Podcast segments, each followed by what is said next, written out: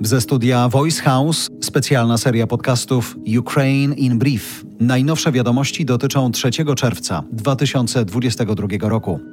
100 dni wojny za nami. Bardzo dziękujemy, że jesteście z nami tak licznie od samego początku, dosłownie dzień w dzień. Doceniam i wracam do pracy. 100 dni barbarzyńskiej wojny Rosji o zniszczenie Ukrainy i Ukraińców, pisze Merkijowa Witalij Kliczko. 100 dni to jak jeden długi, trudny dzień. Emocje, ciężka praca, krwawe bitwy, straty i zgony, ale także czas odwagi i wytrwałości. Wszyscy razem stoimy i walczymy, wszyscy na swoim miejscu. Wyzwolimy naszą ziemię od rosyjskich barbarzyńców, którzy na nią przybyli. Tak, to będzie trudne, ale wierzę, że każdy z nas z godnością przejdzie przez te próby, bo to jest wojna dobra i zła, a dobroć i sprawiedliwość wciąż wygrywają, napisał Kliczko. Tłumaczenie za Gazetą Wyborczą. Według Międzynarodowego Czerwonego Krzyża skala zniszczeń na Ukrainie jest niezrozumiała. Tysiące ludzi żyje nie wiedząc, co stało się z bliskimi. Domy, szkoły, szpitale zostały zniszczone, a ludność cywilna doświadczyła okropności konfliktu, śmierci, a rodziny zostały rozdarte, pisze Czerwony Krzyż w rocznicę wybuchu wojny i wzywa do umożliwienia dostępu do jeńców wojennych.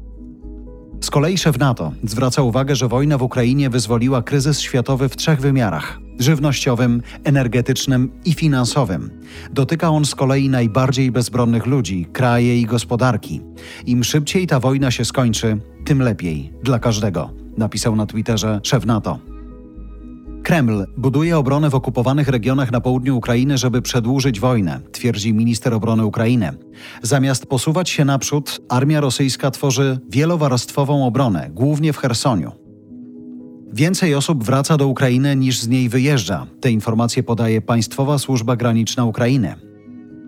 Kreml jest zły na Ukrainę, że nie chce siedzieć przy stole negocjacji pokojowych na warunkach Moskwy, pisze Ośrodek Studiów Wschodnich. Wiceszef Rady Bezpieczeństwa Federacji Rosyjskiej Dmitrij Miedwiediew mówi, że taka odmowa Kijowa to mniejsze szanse na dyplomację i grozi to Ukrainie całkowitą utratą suwerenności. Grozi Miedwiediew także, że w przypadku ukraińskich uderzeń rakietowych na terytorium Rosji w odpowiedzi będą zniszczone ośrodki decyzyjne na Ukrainie. Coraz więcej Ukraińców wraca do pracy. To wynik sondażu grupy Gradus. 59% mieszkańców Ukrainy ma zatrudnienie, ale 23% z tej grupy nie pracuje z powodu tymczasowego przerwania działalności przez pracodawcę. Z kolei minister finansów Ukrainy podaje, że 17% firm, które funkcjonowały do rozpoczęcia wojny z Rosją, zostało zmuszonych do zawieszenia aktywności, a 30% do zmniejszenia skali biznesu. Jednocześnie ministerstwo wzywa właścicieli firm do jak najszybszego wznowienia działalności i płacenia podatków. W pierwszej kolejności mają iść na armię. To było Ukraine in Brief od Voice House.